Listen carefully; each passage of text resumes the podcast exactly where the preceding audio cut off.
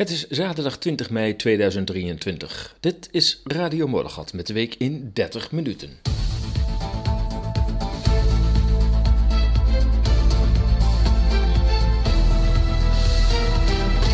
Ja, in deze uitzending gaat Zuid-Afrika vrede brengen in Oekraïne. Zou het gebeuren?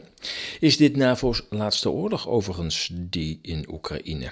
En let op de financiële noodwet. Enfin, drie onderwerpen eh, waar we wat uitgebreider bij, uh, bij stilstaan.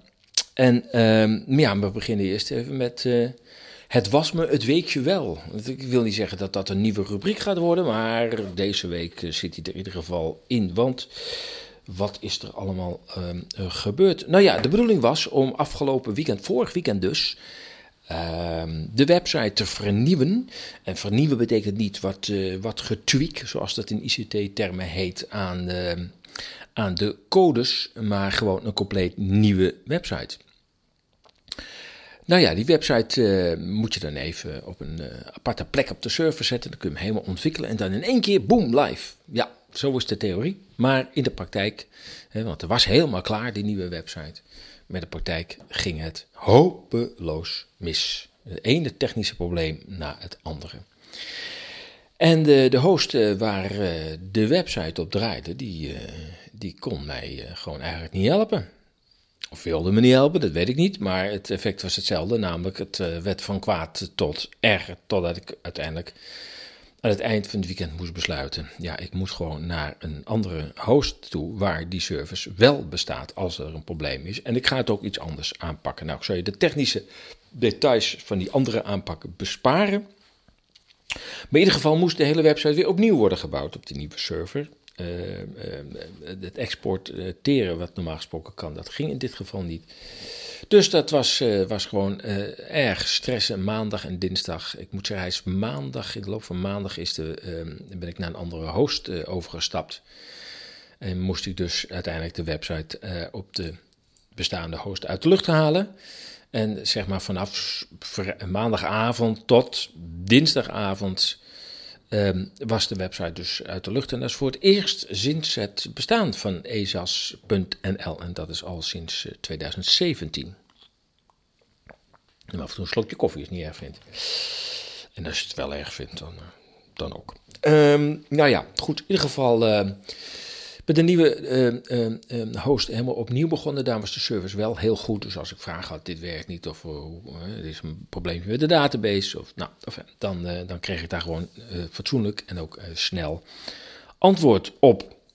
Nou ja, in ieder geval, de nieuwe website staat. Ik uh, ben er heel erg blij mee. Je ziet toch altijd weer als je overstapt op een totaal nieuwe uh, omgeving of nieuwe website in ieder geval, dat er ook allerlei nieuwe tooltjes meekomen die, uh, nou ja, hopelijk de interactie met ehm, de website gaan versterken. Hè? Dus dat, dat mensen het, het, het plezier vinden om ehm, op die website te zijn.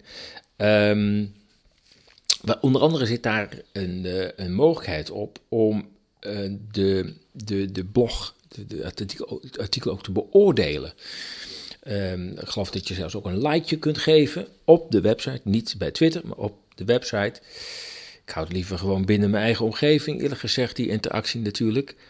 Uh, maar ook um, kun je een, een review geven, een cijfer geven voor, voor een artikel. Helemaal onderaan het artikel staat een blok en dan kun je gewoon tussen 0 en 10, op de tiende nauwkeurig, kun je een cijfer geven. Nou, uh, ik ben heel benieuwd hoe dat gaat lopen, of dat zin heeft. Ik, ik zag bijvoorbeeld, uh, er waren uh, nu ongeveer vijf beoordelingen in de allereerste stadium van de eerste artikel dat ik ermee, dat, dat ik koppelde aan die review optie.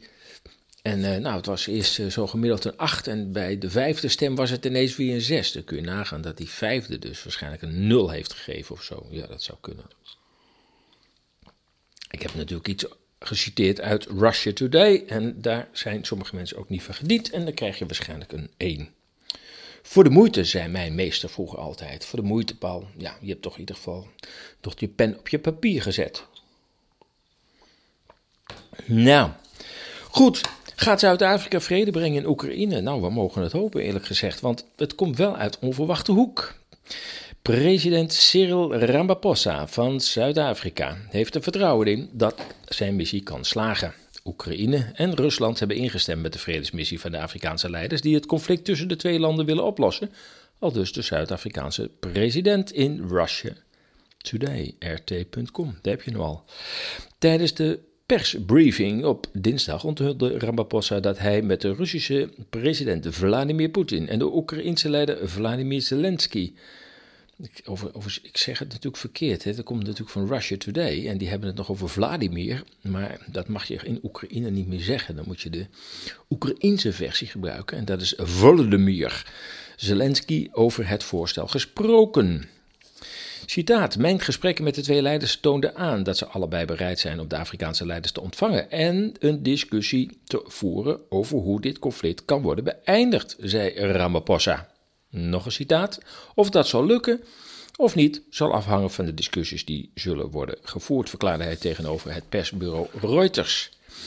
Bij deze vredesmissie worden ook de staatshoofden van Egypte, Oeganda en Senegal betrokken, zo stelt Ramaphosa voor. Daar is nog geen akkoord op van beide landen. Zuid-Afrika is een van de BRICS-landen, met onder andere China, Brazilië en Rusland, die vanaf het begin af aan heeft geweigerd mee te doen aan de sancties tegen Rusland. Ramaphosa, citaat. Wij zijn altijd standvastig geweest op dit punt. Zuid-Afrika is en zal niet worden betrokken bij een wedstrijd tussen wereldmachten. Einde citaat. De secretaris-generaal van de Verenigde Naties, de Verenigde Staten en de Verenigd Koninkrijk zijn volgens de Zuid-Afrikaanse leider allemaal op de hoogte gebracht van het idee. Maar ook landen als China, Brazilië, Turkije hebben hulp aangeboden als bemiddelaars tussen Moskou en Kiev. Oekraïne en zijn westerse medestanders hebben echter volgehouden dat het vredesplan van Zelensky de enige haalbare weg is om uit het conflict te komen. De voorstellen van Oekraïne en Rusland om tot een vorm van vrede te komen lopen natuurlijk sterk uiteen en daarbij kan Rusland zelf beslissen over haar voorstellen. Maar mag bekend worden verondersteld dat Zelensky naar de pijpen moet dansen van de westerse sponsoren, waarbij de VS leidend is en de Europese landen kritiekloos de Amerikaanse koers volgen. Enige hoop toch dat dit, dit verschrikkelijke conflict, waar al meer dan 200.000 doden zijn gevallen. Wat een verschrikking. Dat dit snel tot een einde wordt gebracht. En ik, ik, ik hoorde uh, van de week een uh, Ierse uh, Europarlementariër, een vrouw. En die zei. Nobody lifted a finger to get peace in Ukraine in Europe. Dus niemand in Europa heeft ook maar een vinger uitgestoken om iets van een vredesproces op gang te brengen. Dit is een gewilde oorlog, geprovoceerd en lang voorbereid. Goed, maar is dit misschien NAVO's laatste oorlog? Ja, mag het hopen eerlijk gezegd dat het gewoon weer een verdedigingsorganisatie wordt. Maar ja, als je geen vijanden maakt, dan heb je die verdediging natuurlijk niet nodig. Maar goed, dat is een ander detail. De situatie in Oekraïne is dramatisch. En naar schatting zouden aan de Oekraïnse kant nu al meer dan 200.000 doden zijn gevallen. Of ja, een meervoud daarvan zwaar gewonden. Ook Rusland heeft enorme verliezen geleden. Toch menen Amerikaanse militaire experts dat de strijd al is beslist. Rusland zal de langste adem blijken te hebben en het niet meer bij de oostelijke regio's houden. De door de VS aan en haar knokploeg NAVO uitgelokte en gewenste oorlog zal mogelijk haar laatste zijn. De NAVO had na de val van de Sovjet-Unie geen bestaansrecht meer. En nu verliest het ook nog aan legitimiteit als verdedigingsalliantie. Zo noemt ze zichzelf. Al in 2015 voorspelde de Duitse journalist en eh, van het gezaghebbende krant Frankfurter Allgemeine Udo Ulfkorte dat de Verenigde Staten uit waren op een oorlog met Rusland. Inmiddels is deze uitgelokte oorlog dus gaande. En volgens sommige Amerikaanse militaire experts loopt dit avontuur voor het Westen slecht af. Na aanvankelijke terughoudendheid van Rusland na haar inval van 24 februari 2022 heeft zij in fases haar doelen steeds verder opgerekt oorspronkelijk binnengetrokken met 190.000 manschappen om de oostelijke op Rusland gerichte republieken tegen raketaanvallen van Kiev en de terreur van natiegroepen tegen de Russische bevolking te stoppen, zijn die beperkte doelen nu verlaten. Oekraïne moet een voor Rusland veilig land worden zonder NAVO en nazaten van de naties. Zoals ook bij de uh, slag bij Koersk, dat ligt in Oekraïne, in de Tweede Wereldoorlog hebben we het nu over, en de slag om Stalingrad zullen ook nu de Russen vechten tot de laatste man. Tweemaal versloegen ze natietroepen van meer dan een miljoen manschappen, bij onder andere die slag bij Koersk. De westerse soldaten willen niet meer op het slagveld sterven, maar een oorlog op afstand voeren achter het beeldscherm. De Russen zijn wederom in grote aantallen bereid te sterven voor hun land, ook al zijn er genoeg Russische jongeren die uit handen van de militaire dienst willen blijven. En geef ze eens ongelijk. Ja, ook blijkt uit een recente uitspraak van de EU-president von der Leyen, u weet wel, onze ongekroonde koningin van, uh, van het Vrije Westen, het Vrije Vreedzame Westen, dat Canada al in 2015 Oekraïense militairen opleidde. Het is niet uit te sluiten dat Canada niet het enige land was dat Oekraïense militairen trainde. En dat terwijl Rusland via de Minsk-akkoorden aan het lijntje werd gehouden. De VS strijdt volgens ook Amerikaanse bronnen om haar werelddominantie. Met haar petrodollar als wereldreservemunt heeft dat land welvaart kunnen bijdrukken, zoveel als het maar wilde. Die tijd lijkt nu voorbij. De dollar verliest haar positie op de financiële markten en de Amerikanen weten het. Hun American currency, of eigenlijk hun American century, loopt ten einde. Via de in de NAVO gebonden Europese landen poogt de VS voet op Europese bodem te houden en haar militaire footprint zo groot mogelijk te maken. De uitbreiding van de NAVO tegen de afspraken met Rusland in ging, al, ging lang goed. Al waarschuwde president Poetin al in 2007 op de München Veiligheidsconferentie dat niet alleen de VS recht heeft op veilige landen aan haar grenzen, maar dat dat ook geldt voor Rusland. Geluisterd werd er niet. Rusland werd met westerse adviseurs in het cowboy-kapitalisme gestort.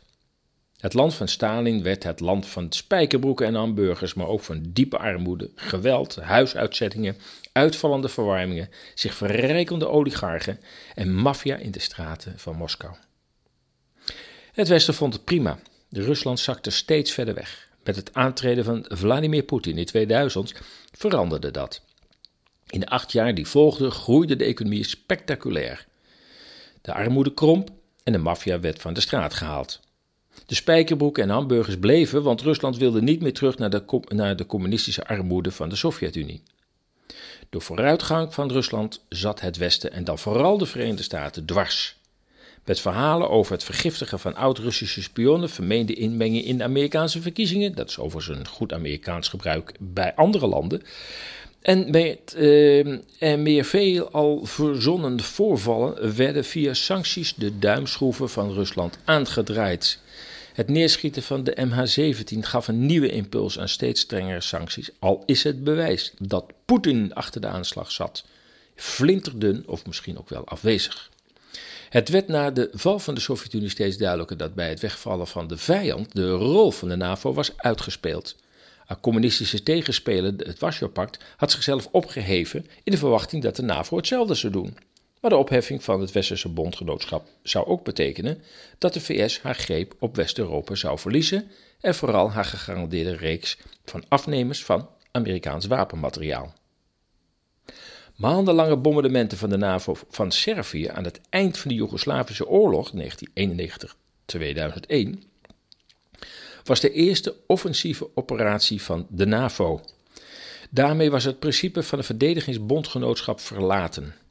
De NAVO zou daarna onder aanvoering van de Verenigde Staten nog andere landen grotendeels met de grond gelijk maken. Libië start 2011, Irak in 1991, Ehm, nog een keer Irak in 2003, Afghanistan 2001, Syrië 2014. Dan hebben we het toch niet over Somalië, nog een land, aantal andere landen waar de Verenigde Staten bij betrokken is. En hebben we het ook niet over regime changes. We hebben het hier alleen over de zware bombardementen.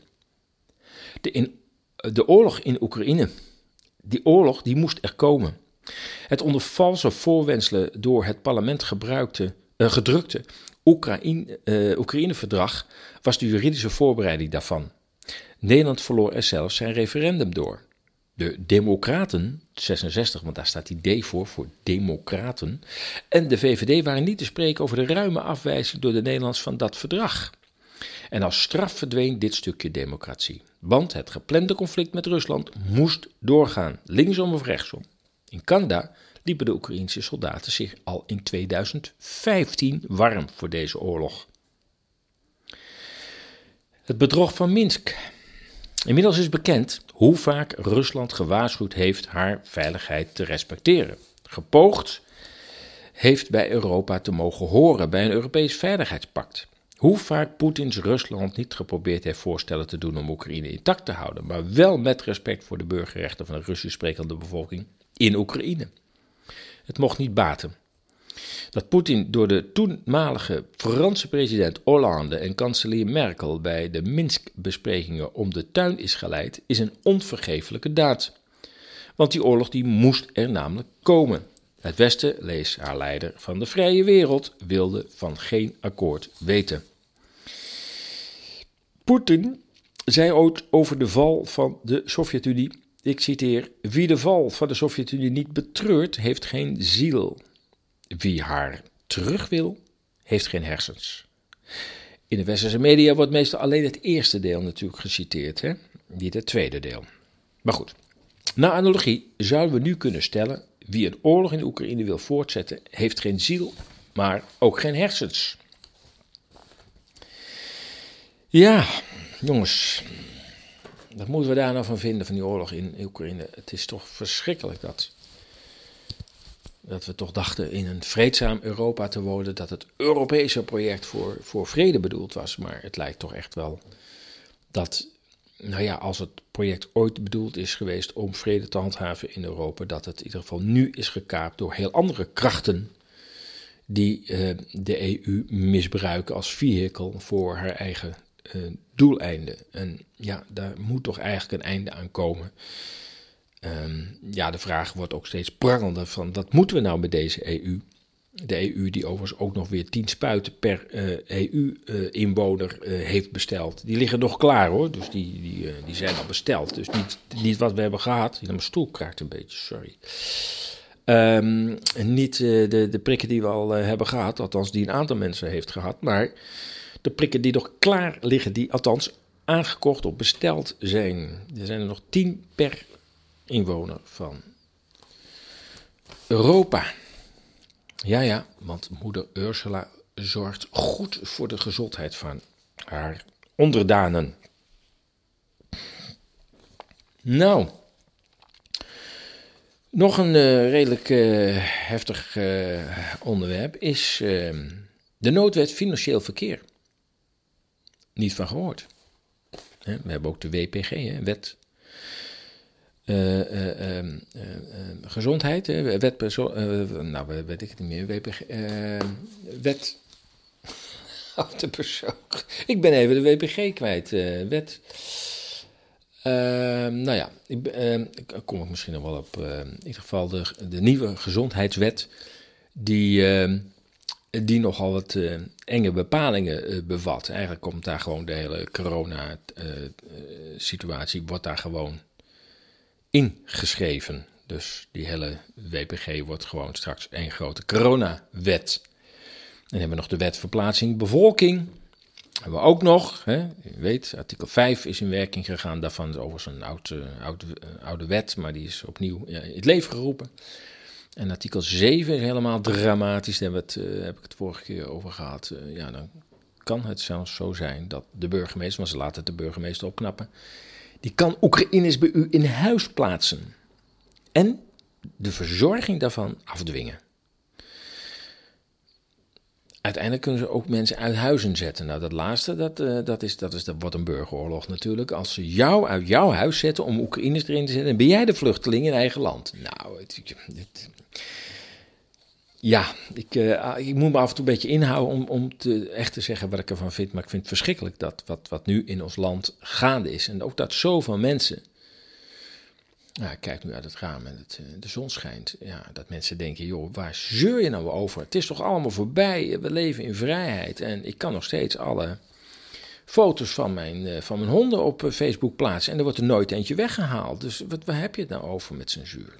Nou, ik maak me toch heel erg zorgen met wat daar nu in Den Haag uh, zegt onze regering te zijn. Goed, de noodwet financieel verkeer geeft de overheid ook op dit vlak weer verregaande bevoegdheden. Slechts weinigen zullen weten wanneer de stekker uit de huidige euro wordt getrokken, maar alle tekenen wijzen erop dat de houdbaarheidsdatum van deze politieke munt is verstreken. De noodwet Financieel Verkeer uit 2007 geeft de overheid in zo'n geval vrijwel onbeperkte bevoegdheden om onder meer spaartegoeden te bevriezen, opname van contant geld te beperken en de niet-periodieke uitbetaling van pensioenen te verbieden. Het is ook denkbaar dat de euro tijdelijk voor noodgeld wordt ingeruild. Niet eerder, na 1945, zijn de financiën van de burger zo in gevaar als in deze tijd. Wat komt er dan na die euro? Ja, het zal niet lang meer duren of ons huidige geld zal een opvolger krijgen. De euro lijkt in haar huidige vorm de langste tijd te hebben gehad. Al sinds 2008 waarschuwen financiële experts dat zo'n wisseling van geldsysteem grote gevolgen kan hebben voor de nationale economie, voor de portemonnee van de burger. Reden voor de waarschuwingen was en is de onhoudbare schuldenberg van zowel staten, organisaties als huishoudens.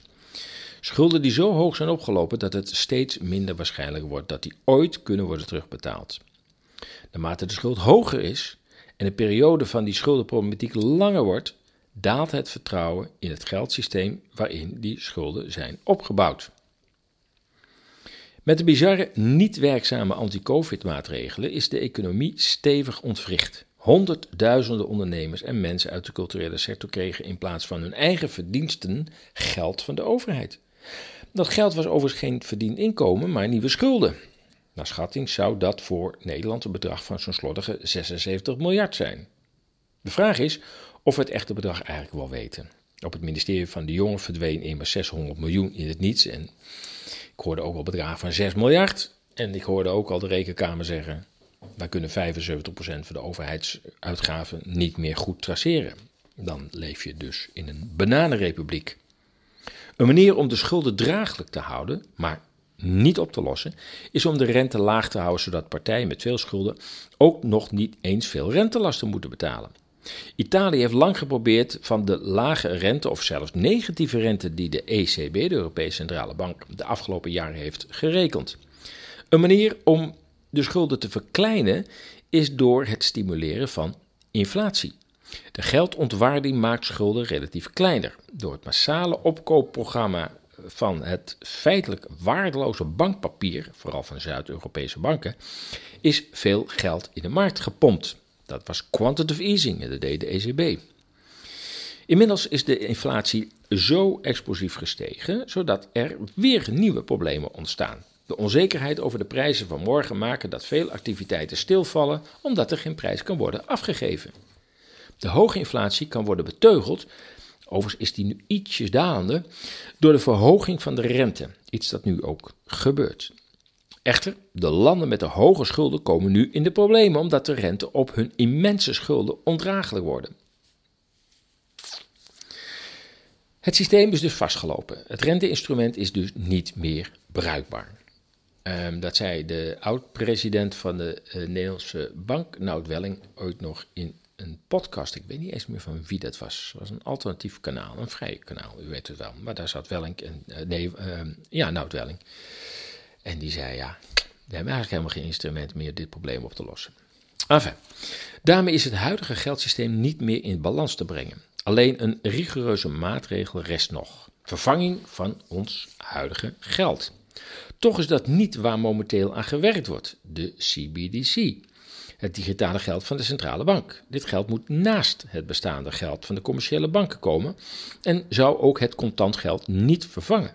Dus dat zou betekenen gewoon een digitale euro erbij, maar niet een vervanging van de euro in de huidige vorm. Als dat inderdaad het model is, zijn de gewenste extra sturingsinstrumenten van de ECB niet erg effectief. Een, een, negatieve rente op een rekening bij de ECB kan dan worden ontlopen door contant geld op te nemen. Dus dat als je een digitale rekening hebt, um, dan kan de bank gewoon zeggen: Nou, we gaan nou een negatieve rekening of negatieve rente in rekening brengen. En dan smelt je spaartegoed dus weg in de hoop dat jij wat sneller gaat uitgeven. Omdat jij denkt, hoe langer het staat, hoe minder er van overblijft. Dus laat ik het nu maar uitgeven. Of de ECB ooit zover gaat, dat weten we niet. Dat hoor je wel heel veel uh, in analyses.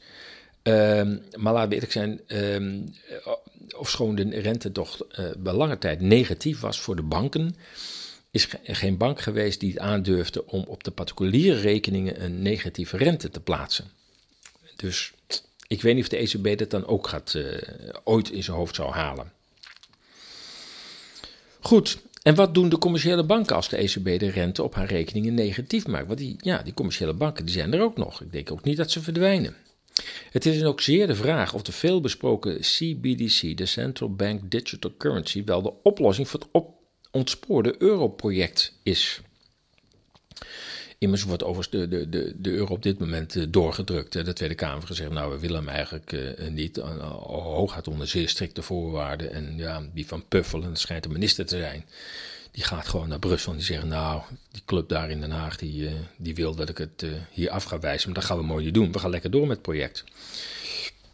En hebben we nog een koningin, geloof ik. En die roept dan ook nog van, nee, we gaan er lekker mee door. Denk ik, waar bemoei je eigenlijk mee? Maar goed, immers, de euro vertoont ook structurele gebreken.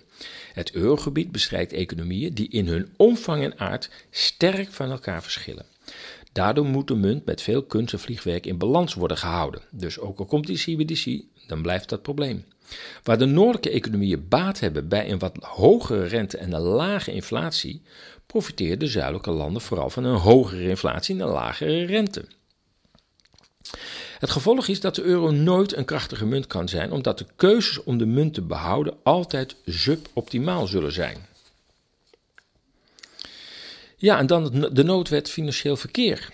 Onlangs konden leden van de Tweede Kamer zonder smartphone één voor één in een kamertje het noodscenario van het kabinet bekijken voor als de euro valt. Hiermee lijkt toch een ander spoor te worden bewandeld dan het spoor van de CBDC.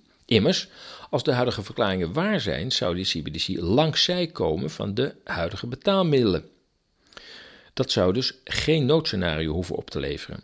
En toch is die er. Houdt men dan toch rekening met het plotseling wegvallen van de huidige euro? We kennen het noodscenario niet, maar een inkijkje kan de noodwet financieel verkeer uit 2007 wel bieden. Hierbij zijn de bevoegdheden opgezomd die de regering naar zich toe kan trekken als de nood aan de man is, zoals dat heet. De regeling geldt in ieder geval uh, bij buitengewone omstandigheden. Welke dat zijn, dat vermeldt de regeling niet. In zo'n geval wordt bij koninklijk besluit op voordracht van de minister de regeling direct in werking gesteld. Er zit geen tijd tussen de aankondiging en de uitvoering. Dus, s ochtends word je wakker. En het eerste wat het nieuwsbericht zegt, dat de noodwet financieel verkeer van toepassing is. Zo zal het gaan. De Tweede Kamer wordt van dit besluit onverwijld op de hoogte gesteld. Indien de Tweede Kamer het, aangenomen, het genomen besluit verwerpt, worden de getroffen maatregelen onmiddellijk beëindigd. Dat is eenzelfde procedure als nu met, die, uh, met de wet gezondheidszorg, waarbij uh, meteen maatregelen voor een of ander virus uh, kunnen worden getroffen. En de Tweede Kamer krijgt dan de mogelijkheid om het op de laatste minuut terug te draaien. Maar ja, daar krijgen ze zo weinig tijd voor dat dat, dat eigenlijk een, een, een, een doekje voor het bloeden is. En ik hoorde zelfs dat de Tweede Kamer eerst een tweederde meerderheid moet zien te vinden om überhaupt daarover te gaan stemmen en dan daarover te gaan stemmen. Ja. Juridisch wordt dit land langzamerhand gewoon echt een bananenrepubliek. Nou ja, indien de Tweede Kamer het genomen besluit verwerkt, wordt de getroffen maatregel onmiddellijk beëindigd. Met het functioneren van het parlement in de afgelopen jaren is het zeer onwaarschijnlijk dat het parlement de regering terugfluit. Immers, er is sprake van een noodsituatie. Weet u nog met COVID? Hm? Alles erbij. was heel ernstig allemaal. En nu de overigens, een, ik las net een bericht dat er een enorme oversterfte is. Onder jongeren van 40%, dus de 18 en 45 jaar geloof ik. 40% en nobody cares. Nobody cares. 300% stijging kankergevallen. Nobody cares.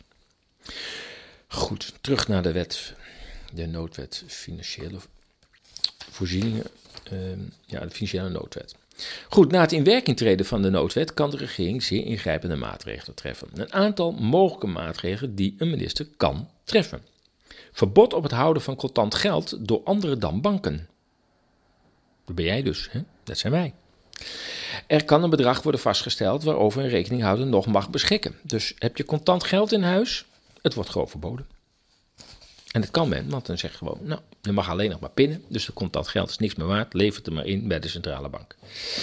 Nou, ingrijpen in de vergoeding van diensten van banken voor zover het de vorm van rentevergoeding is. Dus we kunnen aan de renteknop gaan draaien. De overheid, de minister heb ik het nu over. Hè? Het in circulatie brengen van noodgeld. De minister kan het verhandelen van noodgeld anders dan tegen de vastgestelde nominale waarde verbieden. Het kan ook verbieden dat je het noodgeld gaat opsparen. De overheid kan de banken dwingen leningen te verstrekken aan de overheid. Ja, ja. Het uitbetalen van niet-periodieke uitkeringen of afkoop van een levensverzekering, pensioen of spaarfonds kan worden verboden. Dus dan heb je een potje en denk je, nou, hij wordt dan en dan uitbetaald. Dan zegt de overheid, nee, hij wordt helemaal niet uitbetaald. De minister kan uitkering voor schadebetalingen uh, door de verzekeringsmaatschappij beperken indien de oorzaak terrorisme betreft. Nou ja, dat is weer een ander verhaal. De minister kan bepalen of en in welke mate de oorlogsschade door verzekeringsmaatschappijen moet worden vergoed. Nou, dat is echt een oorlogsgeval. Ja, in combinatie met de in 2021 geheel uh, herziene onteigeningswet. Dat is weer, ook weer een wet die is aangepast tijdens de coronatijd, toen wij met die mondkapjes aan de gang waren en geen handjes geven en uh, uit, een beetje bij elkaar wegblijven. Nou, toen zijn er zoveel wetten overhoop gehaald. Een daarvan is de onteigeningswet. De eerder besproken wet verplaatsing bevolking heeft de overheid veel vrijwel ongelimiteerde wettelijke bevoegdheden in handen om het leven van de Nederlandse burger radicaal op zijn kop te zetten. De huidige tijden zijn onzeker en niet eerder is op zoveel fronten onduidelijkheid over waar het naartoe gaat. Geruststellende gedachte is dat het meeste van wat als onheil wordt voorspeld niet doorgaat of zich heel anders zal manifesteren. Deze geruststelling neemt niet weg dat een goed voorbereide burger altijd beter af is dan diegene die de ontwikkelingen passief afwachten. Nou ja, een paar tips zoals die inmiddels op internet circuleren. Zorg voor genoeg contant geld in huis. Ja, het kan worden verboden, maar zover is het nog lang niet. Zorg voor genoeg contant geld in huis om een aantal weken boodschappen te kunnen blijven doen of om andere noodzakelijke goederen mee te kunnen betalen. Zorg erbij voor kleine coupures. Zorg voor voorraad van essentiële boodschappen in huis. Wat in huis is, hoeft immers niet meer gekocht te worden. En wie veel geld op de bank heeft, doet er verstandig aan een deel om te zetten in waardevaste goederen die buiten het bereik van de bovenbesproken wet blijven, de inbeslagname. Zorg in huis voor verschillende warmtebronnen: gas, hout, elektrisch. Bedenk dat warmtepompen en de meeste zonne-energie- en cv-installaties niet werken als het elektriciteitsnet uitvalt. Mensen denken wel eens: ja, ik heb lekker zonnepanelen, maar de meeste installaties zijn gekoppeld aan het net. En als het net uitvalt, valt de interne installatie ook uit. Tenminste, zo is het normaal geïnstalleerd. Natuurlijk, eh, misschien dat je een autonoom systeem hebt, maar dan ben je ook ontkoppeld van het, uh, het landelijke elektriciteitsnet. Maar ik heb me laten vertellen dat in de meeste gevallen dat niet zo is. En valt het elektriciteitsnet uit, dan valt jouw zonnepanelen systeem ook uit. Laat je veelzijdig informeren. Elk medium is onvolledig en sommige ervan verspreiden onwaarheden of zaaien onnodig paniek. Kleding is een tijdloos bezit. Zorg dat je warme kleding op peil is. Zorg voor en onderhoud warme contacten met mensen in je omgeving die materiële of immateriële hulp kunnen bieden. Laat alle doemscenario's en vooral van de media, zowel de mainstream media als de alternatieve media, van je afglijden. Als je een groot probleem voordoet, zal het je toch niet ontgaan. Belangrijk is in ieder geval dat we elkaar weer verbonden, met elkaar verbonden voelen. Vergeet de meningsverschillen over de prikken. Houd niet meer afstand van elkaar dan anderhalve meter. Uh, schud elkaar de hand en beter omhels elkaar. Emotionele verbondenheid is een eerste voorwaarde om ziekte te vermijden en weerbare tijden te kunnen doorstaan. En het is goed om te weten dat het altijd anders komt dan je denkt of vreest. Ja, dit lange artikel staat ook op de website. Uh, eigenlijk de website heeft uh, nog een veel uitgebreidere versie. En er staat ook een video van Ab Flipsen, uh, die, die daar nog meer uitleg over geeft. Enfin, we zijn alweer over de tijd. Ehm, ja, je kunt de rondleiding nog boeken natuurlijk naar Berlijn. Hè? Dat is, de rondleiding in Berlijn is eh, in september weer, de tweede dit jaar. En ehm, als je deze maand nog boekt, krijg je toch een aanzienlijke korting. Dus eh, ik zou naar de website gaan, ezas.nl, naar de winkel zoals het heet. En daar uh, meteen maar even, even tegen de vroegboekkorting de reis reserveren. Oké. Ja, je hoort dat ik uh, papieren heb. Ja, vorige keer, vorige keer deed ik digitaal, maar ik vind het toch, toch lastig. Hè. Dan valt dat scherm weer weg en dan, moet ik weer scrollen. En nou ja, nu zit ik gewoon een beetje als een oude journaallezer, uh, zonder camera overigens, het, uh, het actuele nieuws voor te lezen. Ja, zo gaan die dingen. Maar we gaan er wel mee stoppen. Het houdt een keer op. Bezoek de nieuwe website. Hè? Laat me weten wat je ervan vindt. Stuur even een mailtje naar redactie.esas.nl of commentaar op de website. Mag ook.